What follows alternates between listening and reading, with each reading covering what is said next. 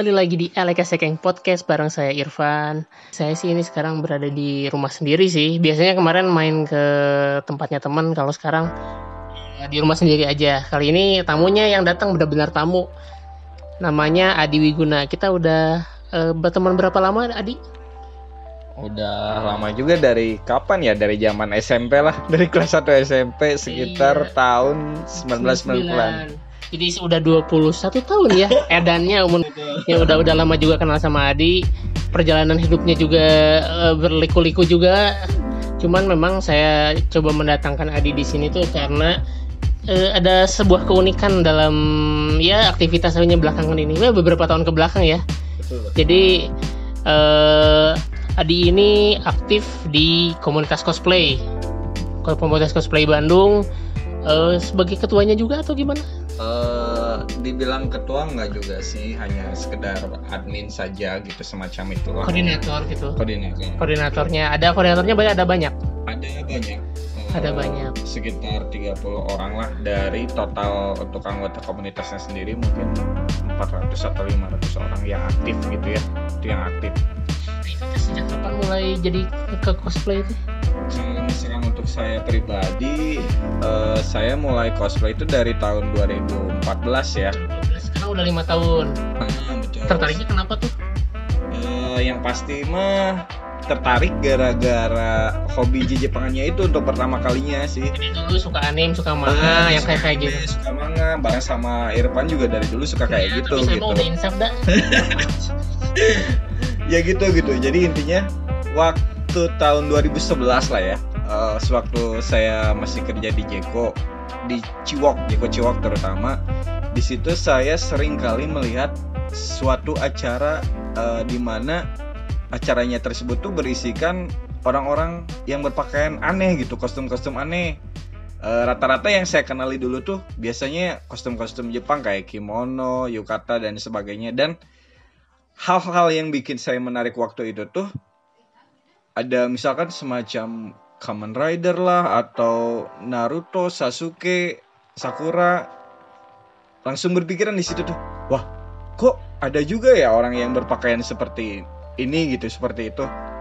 Kok bisa ada yang kayak gitu? Mereka dapat bajunya dari mana gitu? Maksudnya pertama kali penasaran tuh gara-gara itu gitu. Kok bisa ada itu di Bandung? Intinya kayak gitu dulu yang yang bikin saya penasaran tuh gitu.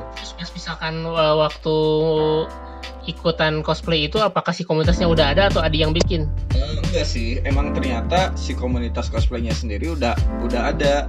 Waktu itu saya gabung tahun 2014 ya.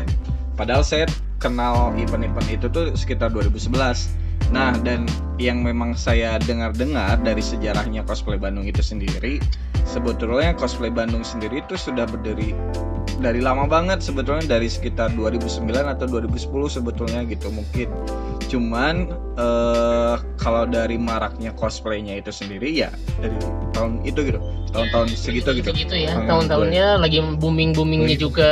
dari 2014 ke sini Terus- gitu lah istilahnya dari Adi sendiri kunaon tertarik ketertariknya maksudnya oke lah mungkin karena senang sama anime sama eh, sama manga dan yang lain-lain tapi kenapa ikutan cosplay kan saya juga seneng gitu senang senang anime tapi senang senang manga tapi nggak tertarik cosplay apa Adi mah tertarik Ya gitu sih. Jadi maksudnya gimana ya? Karena yang pertama sih gara-gara penasaran aja sih sebetulnya gitu. Kok bisa gitu orang-orang eh, yang penyuka hobi Jepangan ternyata bisa berpakaian atau cosplay sesuai karakter yang mereka suka gitu ya. Contoh yang tadi saya sebutkan kayak Kamen Rider gitu ya.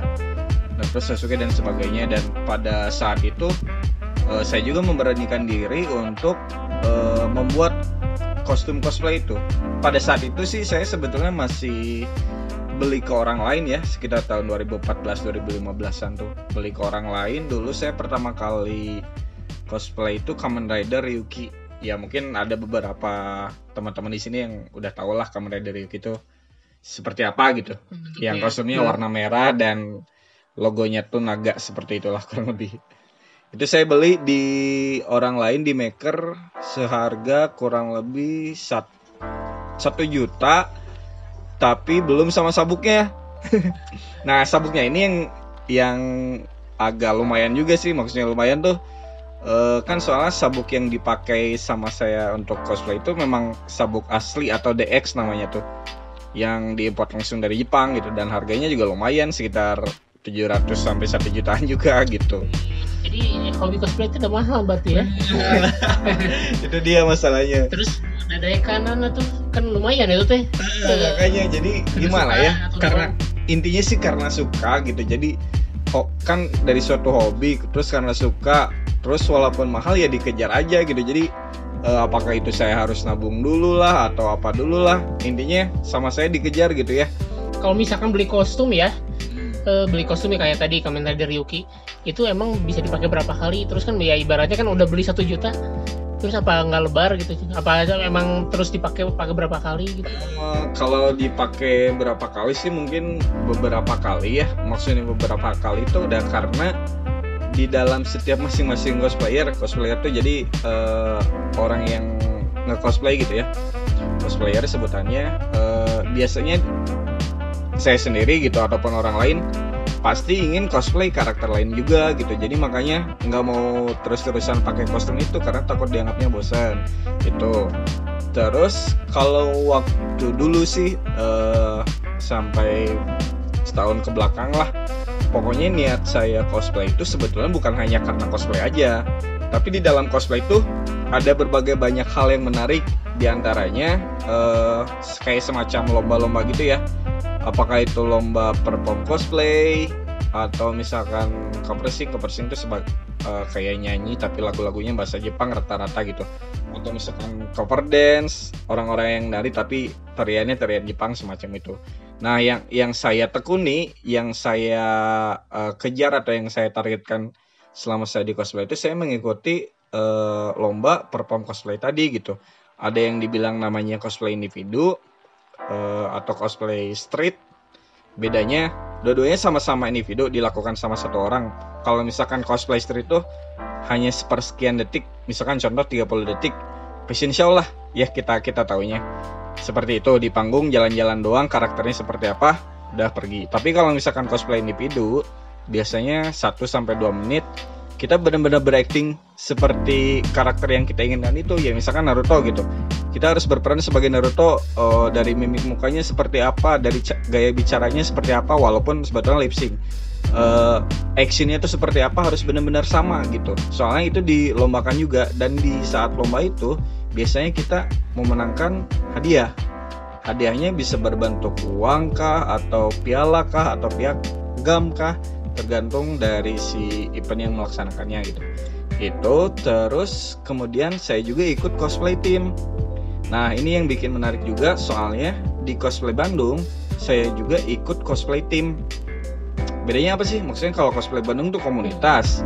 Kalau misalkan cosplay team ya berarti memang tim grup-grup kecil gitu. Ah, jadi saya tuh dulu ikut cosplay team namanya Amatsuka-G dan dari situ saya mulai belajar pertama kali bikin kostum dulu dari situ gitu. Nah, ngomong-ngomong soal lomba pernah juara?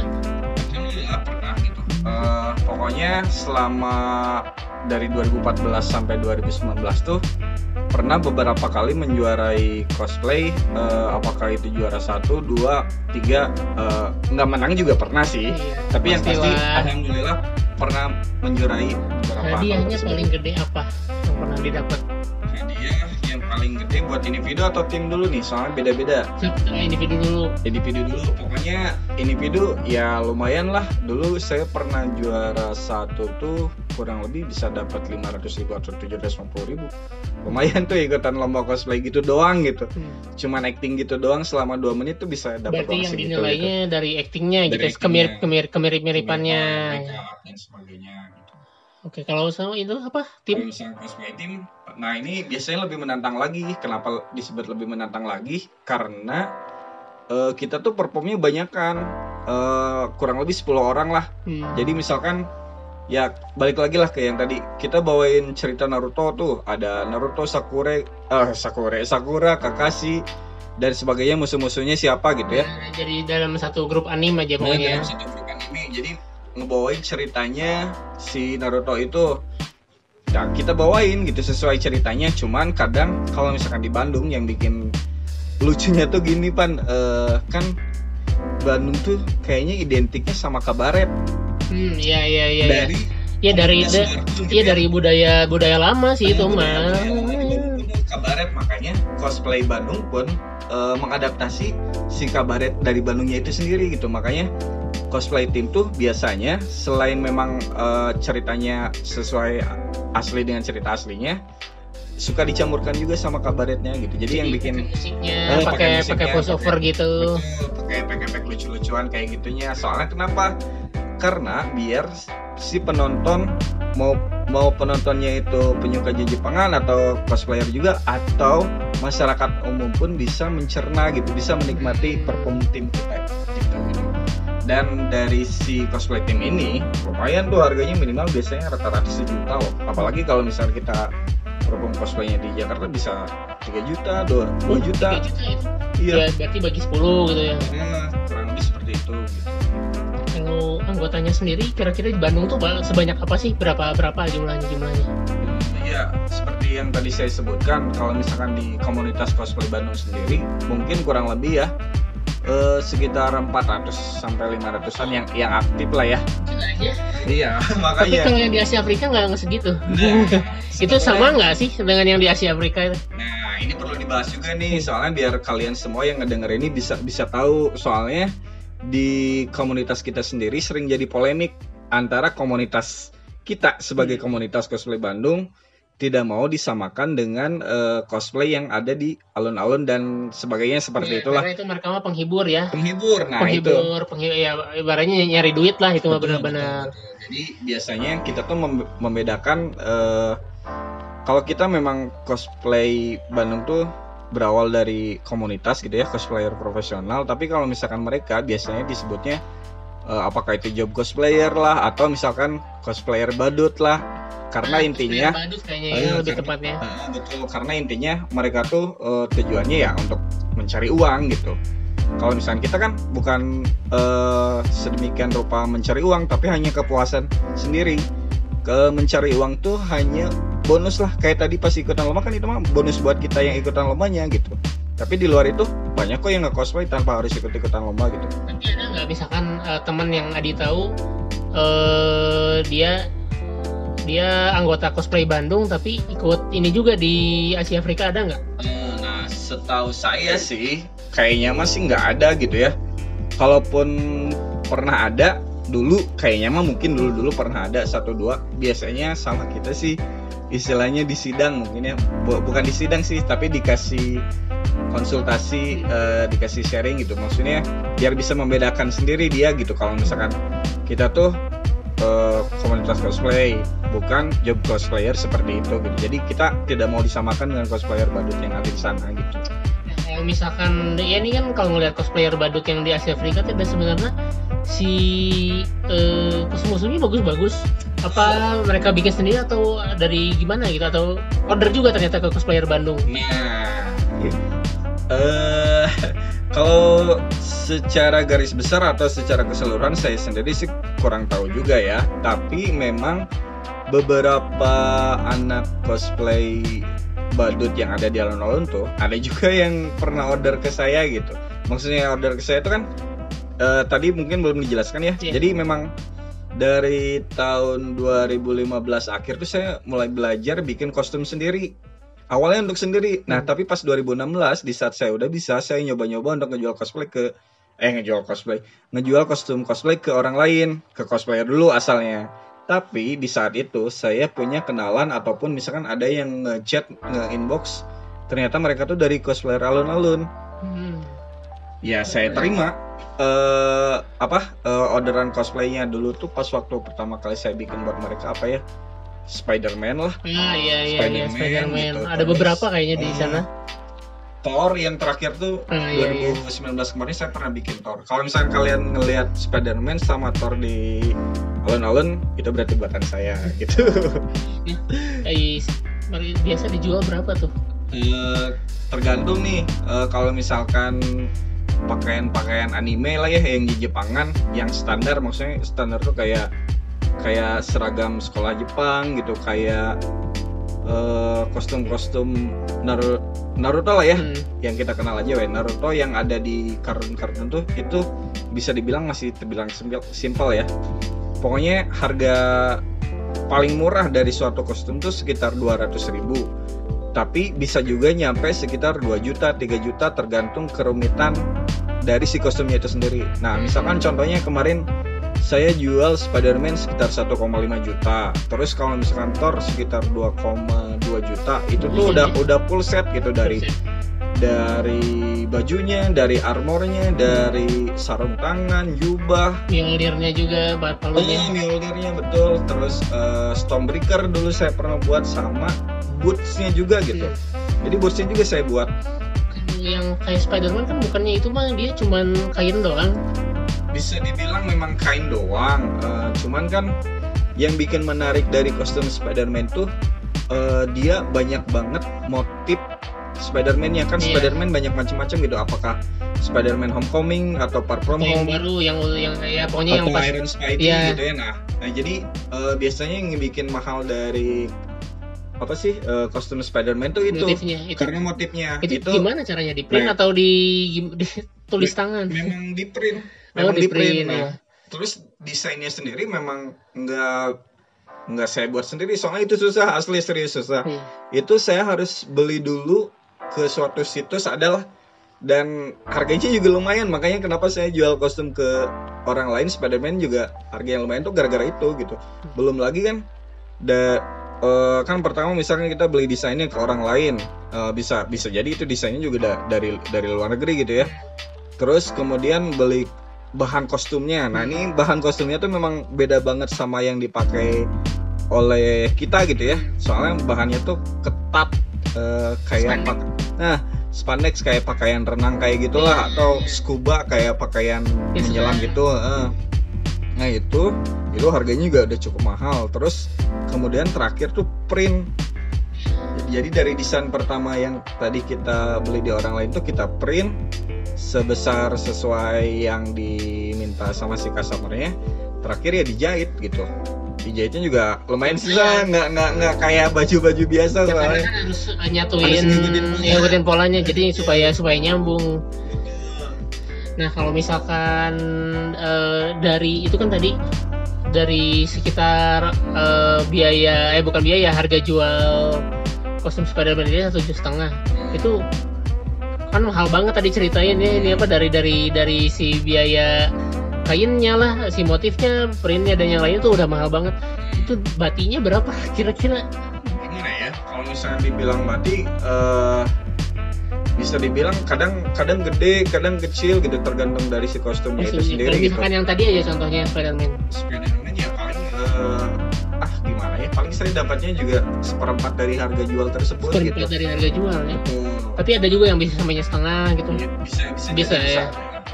jadi tergantung bahan sih sebetulnya. Tergantung bahan dari si customer yang dipengenin juga gitu. Kalau misalkan yang paling mahal eh, apa nih yang pernah dibikin kostum? Eh, yang paling mahal sih kalau kalau bagi saya pribadi salah satunya yaitu saya pernah bikin kostum Thor itu sekitar 2,2 terus eh, kostum Black Widow juga sekitar segituan 2,2,3 lah. Itu juga. Black Widow pernah pernah bikin. Itu terus bener-bener kayak apa sih bajunya kan ketat-ketat aneh gitu kan Iya memang. Memang saya bener-bener nyari bahan yang hampir mirip Mirip. gitu. Walaupun memang nggak sama seperti aslinya Iya. tapi saya cari bahan yang mirip banget. Eh, misalkan kayak Black Widow tuh si bajunya udah udah mah ketat terus di kainnya tuh kayak ada pori-pori. Saya tuh bener-bener nyari Sedetail kain yang seperti itu sedetail mungkin semirip mungkin lah. Pokoknya seperti itu gitu. Yang penting si customernya tuh puas. Oh tapi ada si kostumnya tetap aja tergantung buat yang tergantung ke yang makainya ya bisa pantas atau enggak kadang-kadang. Eh, boleh. Bisa dibilang gitu bisa dibilang enggak. Cuman yang bikin menarik di cosplay nih pan ya eh, bahkan orang-orang yang oversize lah anggap anggap aja Iya. kita yang kekurangan atau kelebihan kita sebut sebutin aja ya misalkan orang-orang yang oversize alias gemuk lah misalkan atau kekurusan eh, kadang bisa disesuaikan sama kit- bukan bukan sama peran jadi gimana ya jadi bisa diakalin lah itulah Oh, istilahnya mah bisa gitu. diakalin pertama misalkan eh, kalau misalkan orang yang kurus kadang-kadang bisa diakalinya tuh apakah di dalam bajunya dia pakai lagi semacam mansep atau baju tambahan? Iya, juga eh, misalkan kayak gitu kayak muscle suit lah misalkan Iya. namanya tuh. Jadi kayak eh, body body six pack padahal sebetulnya itu tiruan. Terus kalau misalkan yang oversize biasanya eh, ditanggulanginya kalau misalkan foto-foto sih mungkin dari angle gitu ya dan satu lagi yang paling menarik di cosplay itu make up Hmm, jadi Make ngaruh up. ya bisa Nah. bikin bisa bikin kesan yang berbeda dari make up Betul. Eh, pokoknya selama si orangnya walaupun misalkan normalnya jelek, ya maksudnya biasanya tan- tanpa makeupnya terlihat kurang.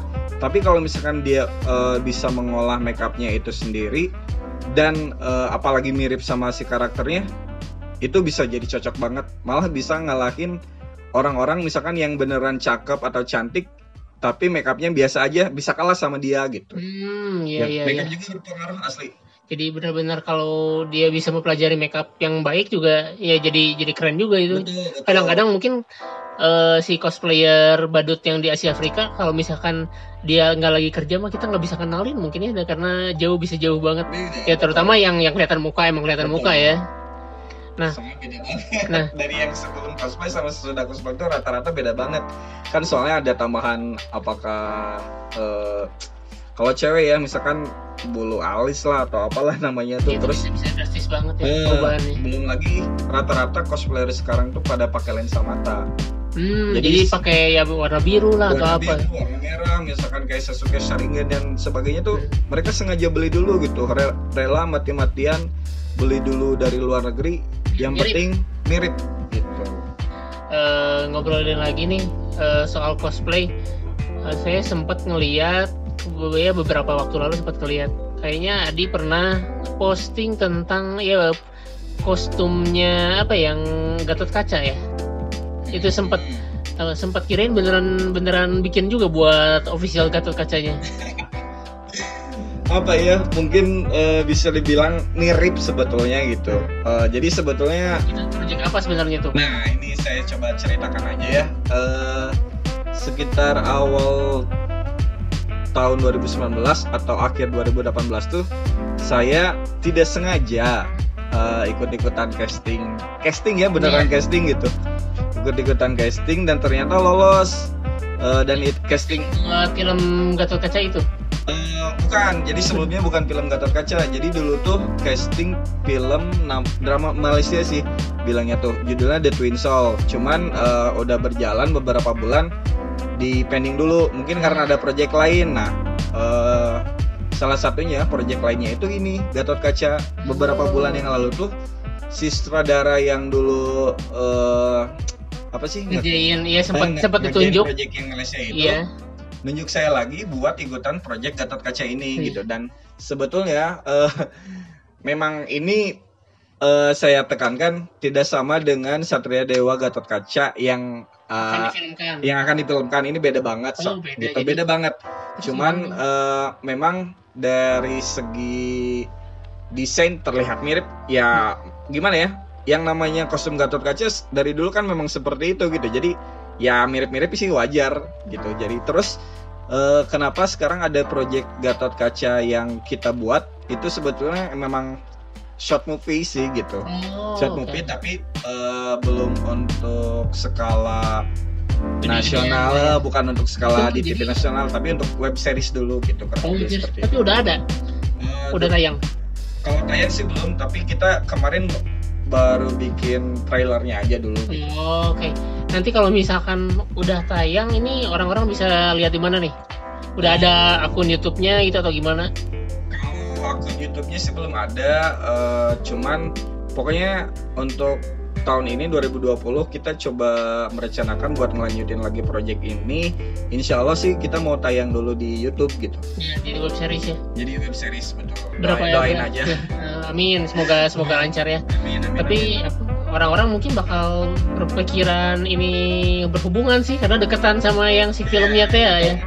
Apalagi kan kemarin udah udah diumumin tuh si apa si pemerannya, si sutradara dan sampai sampai si kostumnya udah di ditampilin mungkin orang bisa berpikiran oh ini ada buat itu ya buat Ketat kaca. Iya, soalnya kan kayak film NKCTHI aja sebelumnya dibikin web series dulu baru baru jadi film itu tuh. Jadi takutnya ya ini mah mungkin akan berpikiran seperti itu karena waktunya dekat-dekatan nih.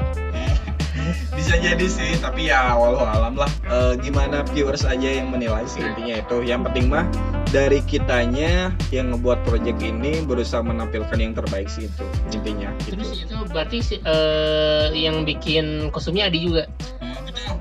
Saya bikin eh, saya bikin sama teman-teman yang ikut membuat Oh, project jadi ini gitu. jadi di desainnya bareng-bareng ya. kalau desainnya emang nggak Oh, dari sutradaranya langsung Udah ada. Oh, udah ada Oke jadi oke. kalau misalnya saya mah hanya membuat Bikin- kostum cosplaynya aja gitu Berarti tapi tapi ini ori banget ya ini si Iya. ininya. Nah, kalau dari penghasilannya sendiri gimana nih? Setelah misalkan udah udah lima hampir lima tahun, udah lima tahun ya, udah lima tahunan lah ya, hampir lima tahunan eh, berkecimpung di dunia cosplay, terutama untuk pembuatan cosplaynya. Ini eh, apakah rutin selalu ada tiap bulannya dan apakah jadi penghasilan yang lumayan atau gimana?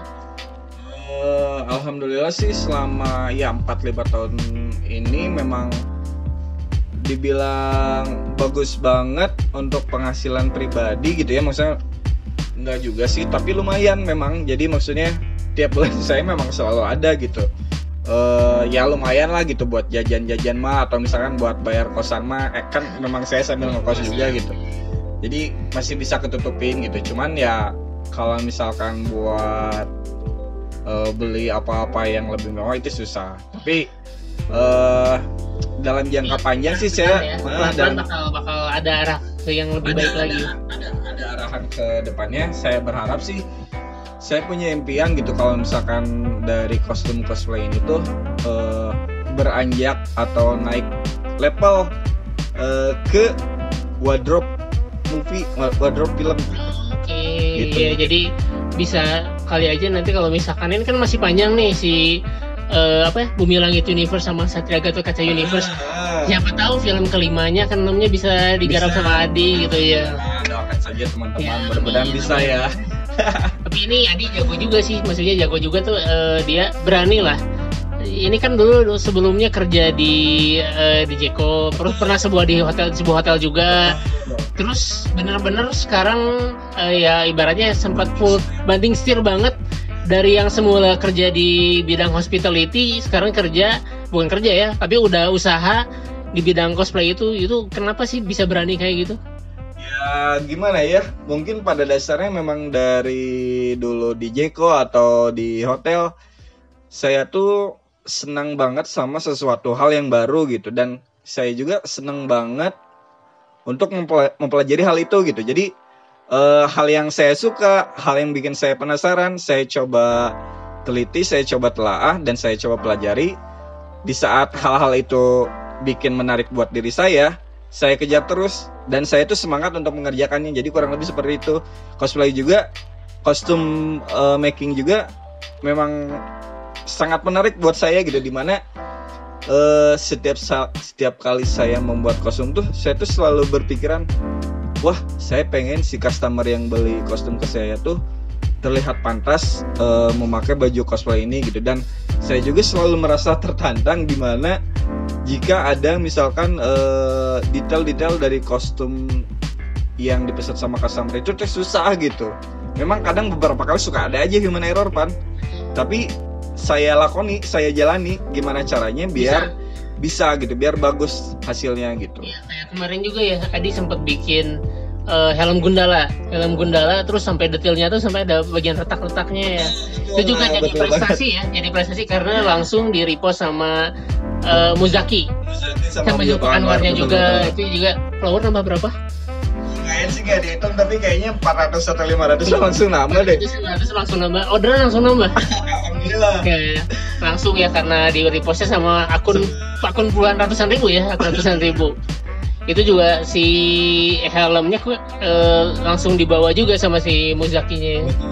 Itu juga kebetulan datangnya bareng sama saya di acara apa lupa launching kostumnya Gundala, Ah, kostumnya Nah, kostumnya Gundala gitu. Gundala.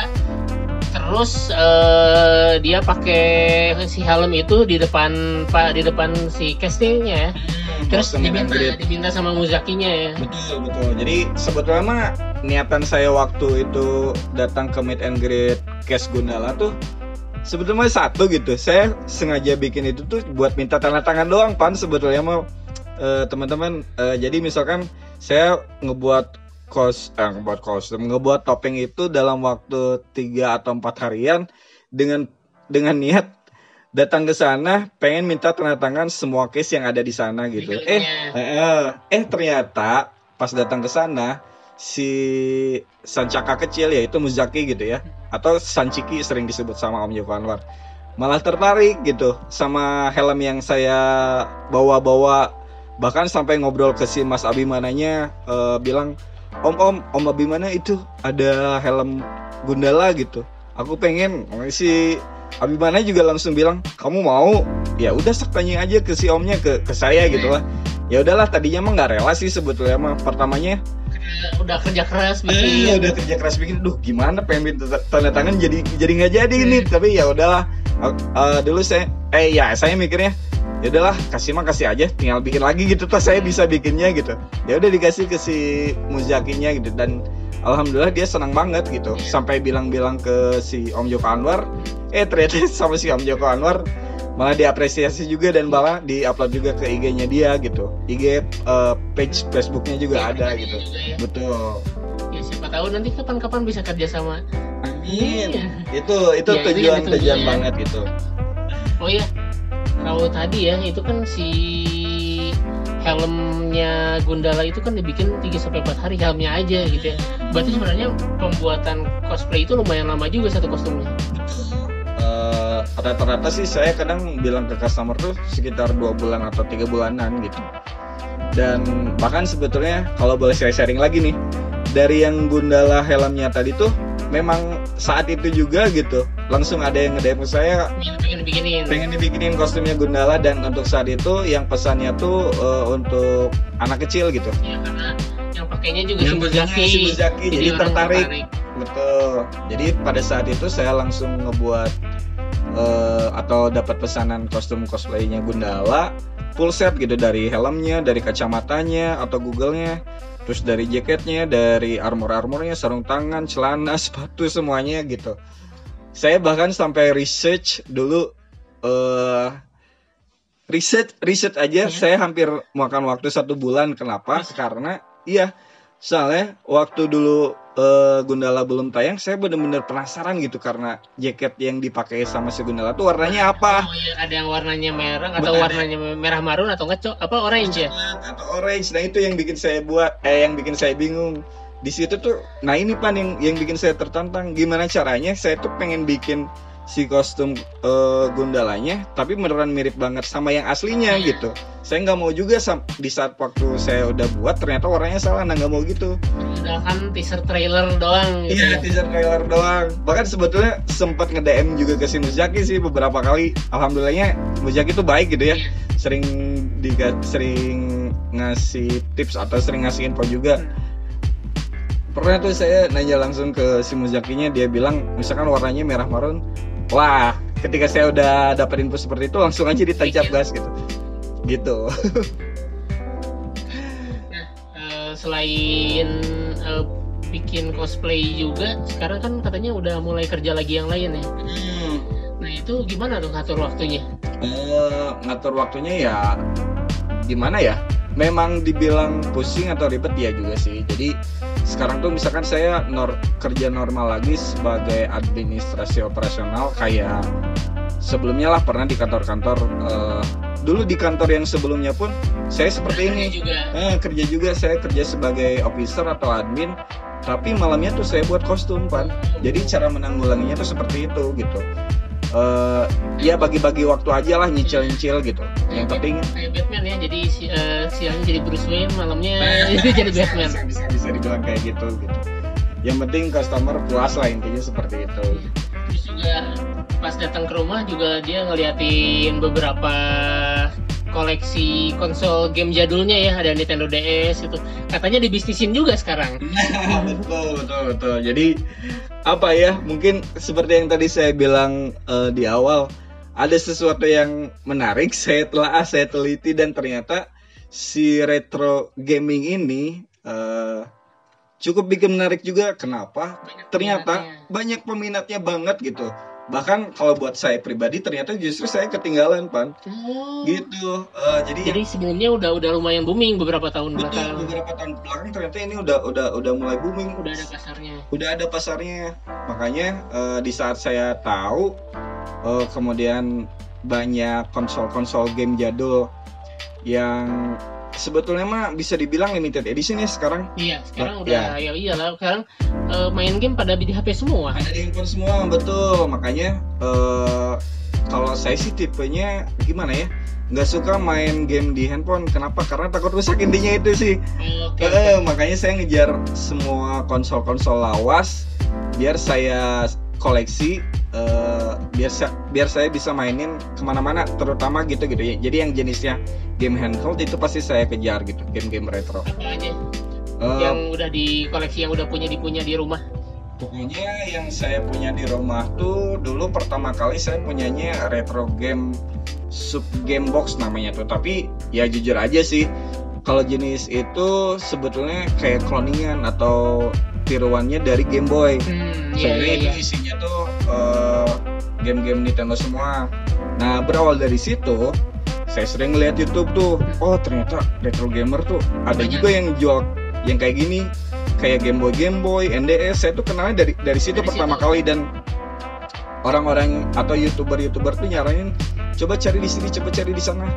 Dicarilah sama saya dan alhamdulillah gitu dari satu bisa beranak ke yang lain. Pokoknya di rumah tuh sekarang saya punya eh selain game box tadi punya Game Boy Color itu lama pisan tuh Iya, Game Boy Color. Game Boy Ya, Color itu sebelum zaman Game Boy, Game Boy Advance ya, sebelum Game Boy ada di Game sebelum Boy Game Boy Advance. Betul Eh, terus eh, Game Boy Advance kakaknya lah setelah setelah Game Iya. Boy Color ya Game Boy Advance itu yang biasa sorry saya coba kasih lihat ke depan deh Eh, teman-teman yang nggak bisa lihat nggak apa-apa ya ngedengerin aja weh Googling aja, ini kan dikasih tahu tinggal Iya. googling. betul betul betul lah seperti Hmm, ini ini Game Game Boy Advance Ini menarik terus Jadi di setelah dalam itu ini di dalam tasnya udah banyak konsol game game. Iya ini gue sih mang mang nu di DSD teh baheula geuning di talian. Iya bang bang gimbut. Ini ada tiga jenis eh, konsol, ada Game Boy Advance. Ini bentuknya kayak ini kayak kalau dulu tuh eh kayak Nokia Engage. Iya. ya kayak kayak gitu kan. Jadi bentuknya kayak controller game juga gitu. Di tengahnya ada ada langsung ada layarnya. Nah kalau yang ini Game Boy Advance SP, nah ini kayak gimbot yang dulu-dulu suka disewain sama mang-mang di depan SD nih. Jadi layarnya di bagian atas, si kontrolernya di bawah. Nah, ya dilipat juga ya. Oh, masukin kasetnya di bawah ya. Wah, betul. Terus ini satu lagi apa nih? ini namanya Nintendo DS Nah, ya Nintendo DS DS itu di Nintendo Dual Screen dua screen ini juga sempat booming pada masanya ya, mungkin pas zaman PS2, PS, PS2 ya. betul betul Se- 2002 lah pokoknya 2002 2003 Seangkatan sama PS2 lah si Nintendo DS ini juga dulu, juga dulu sempet booming karena si game-gamenya nggak biasa juga. Terus ya pertama kali bikin screennya yang dua kayak gini gitu. Jadinya Jadi, ya ya menarik gitu kan kalau dulu. Kalau buat gamer dulu saya sempat jadi gamer, cuman udah insaf juga. ya. jadi udah nggak main game lagi sekarang bahkan di HP aja udah sama sekali nggak ada game. Nah kalau misalkan the- yang ada yang diincar sama Adi nggak? Ya s- maksudnya kan ini udah udah punya banyak nih ada beberapa. Ya yang ada yang belum kesampaian di koleksi. belum sampai di koleksi ya udah pasti banyak banget lah soalnya Dan- nggak perkembangannya soalnya.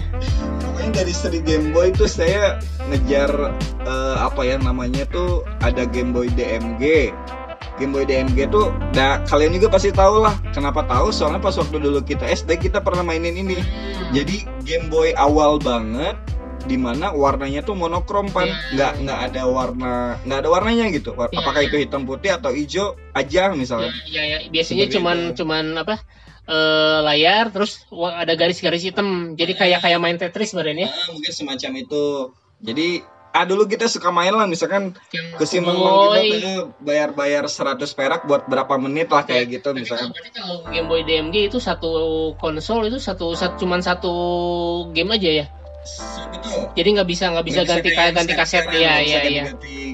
Permainannya betul jadi nyari kasetnya juga rare nah ini ini kenapa saya pengen cari karena rare-nya itu dan harganya juga Iya, iya. katanya sih masih mahal Ya, Terus- justru makin ini makin apa makin retro mak- makin jadul makin mahal Terus yang lainnya misalkan Game Boy Game Boy yang memang katanya sih buatan Jepang langsung dan memang diproduksinya tuh di Jepang nggak keluar sebetulnya. Kayak Game Boy Pocket, Game Boy Light itu belum saya punya juga. Masih nunggu-nunggu lah, masih nyari-nyari. Soalnya barangnya rare. Terus tadi se- sempat disebutin nih sama sama Irfan eh, Nintendo DS. Nah, Nintendo DS ini juga kak- kakaknya atau adiknya tuh banyak banget gitu. Ada NDS Pad, eh, itu saya belum punya jadi rada gembok itu pertama kali keluar NDS itu namanya NDS Pad terus ada NDS Lite kalau NDS Lite saya di rumah ada tiga bisa ada yang mau boleh calling-calling Oh, lah ya. itu kenapa bisa bisa berkembang biak itu? Emang bisa anakan gitu? Bisa enak kan pan serius. Cuma acara ada itu. Jadi pertanyaan. Eh, caranya kalian gosok-gosok NDS ya nanti keluar otomatis sendiri gitu. Ya intinya karena ada banyak seri ternyata di di NDS atau di Game Boy itu jadi saya coba kejar seri-seri yang belum saya punya nih gitu. Intinya seperti itu terus ya, maksudnya eh, ya udah anakan tuh eh, dijual lagi gitu atau gimana? Jadinya- tergantung sih eh, kalau misalkan ternyata dalam satu seri saya punya Nah, dijual. betul dijual. Soalnya dipikir-pikir buat apa gitu. Hmm, Eh, satu jenis tapi ya. banyak banget. Gitu. Gimana Makanya- gimana cara bisa dapet ininya? Maksudnya dapet dapet duitnya dari mana gitu? Apa berarti di markup harganya gitu? Eh, maksudnya gimana ya ini kan eh, dijadiin bisnis juga nih maksudnya dijual lagi ke orang lain gitu Hmm, hmm, hmm. itu berarti eh, ke orang lainnya ya berarti di markup lagi harganya jadi reseller lah ibaratnya ya. ya mungkin kurang lebih seperti itu gitu tapi dah saya juga nggak nggak naikin harganya Gede-gede. banget dari pertama kali Iya, saya beli iya, gitu iya. yang penting mah gimana caranya si customernya pengen punya itu juga gitu sama-sama. Wah ini game jadul pengen punya juga nih kayak gitu gitu. Rata-rata yang beli anak-anak atau orang dewasa? Eh, untuk saat ini sih kalau misalkan yang datang ke saya langsung macam-macam sih ya. Ada anak-anak juga ada remaja juga. Bahkan sebetulnya orang orang tua gitu lah ya. Hmm. yang pu- pengen punya nostalgia zaman-zaman dulu suka ada aja gitu yang gitu. Oh iya sih ya. Apalagi dah kalau sekarang kalau main game HP ya harus pakai foto semua. Betul. Ngabisin lumayan ngabisin datanya. Bisa data belum lagi nge-like nah sayangnya tuh gitu gitu kalau misalkan di handphone teh eh, takut rusak handphonenya padahal kan handphonenya kita buat juga buat keperluan pribadi gitu ya kom- kayak komunikasi apa gitu Iya, semacam iya bener ya. Jadinya jadinya ngeganggu juga apalagi kalau misalkan kerjaannya banyak di HP nih. Betul. Iya. Makanya kalau buat diri saya pribadi kalau mau main game yang asik itu ya mendingan ada konsolnya langsung aja dah Iya, bener, bener. daripada kayak handphone. lagi gitu ya. betul Ya si anak juga mendingan kayaknya mending pakai ini sih ya, lebih lebih hemat. Betul, betul, Kebayang betul. kalau misalkan habis kuotanya ya sehabis sebulan 100 ribu lumayan gitu kan. betul Iya sih.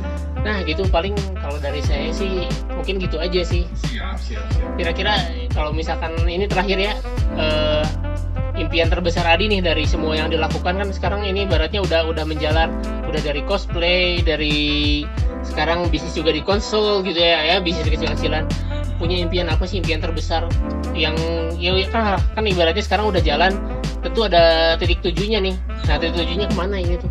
Nah, jadi eh, pokoknya untuk jangka waktu panjang yang ingin saya capai itu sebetulnya kenapa bahkan dari awal yang tadi saya ceritain sampai yang barusan terakhir-terakhir itu saya tuh punya punya punya tujuan pan Eh, di mana saya tuh eh, ingin memiliki usaha contoh kafe lah sebetulnya hmm. kayak kafe lagi tapi kafenya nyampur sama butik galeri di mana butik galerinya tuh ya isinya kostum-kostum cosplay yang saya buat atau misalkan kostum-kostum Oh, iya, iya, iya. Yang bu- buat dipakai buat syuting misalkan Iya, ya gitu iya, jadi jadi jadi di sebelahnya tuh ada ada galeri untuk kostum-kostum seperti itu dan di sebelahnya lagi tuh ada cafe retro oh wow wow, Gitu. wow, wow. ya kafe retro si konsol semuanya berarti ya Betul. Sebetulnya saya ada arahan lain sih maksudnya di saat saya udah puas ngumpulin semua retro game, saya juga mau ngumpulin retro-retro barang-barang antik gitu. Nggak nggak hanya game konsol aja. bisa pas kepompong aja ini Siap, siap, siap. ya semoga impiannya bisa terwujud ya Oke. Eh, terima kasih Adi sudah datang malam minggu ini. Berarti ketahuan ya malam minggu nggak ada ngapel. Bisa diganti lah minggu malam. Sabtu Sabtu malam meren. Iya, paling gitu aja ya. Thank you banget udah datang di sini dan kita akan ketemu lagi di edisi podcast Alekes yang berikutnya. Bye bye.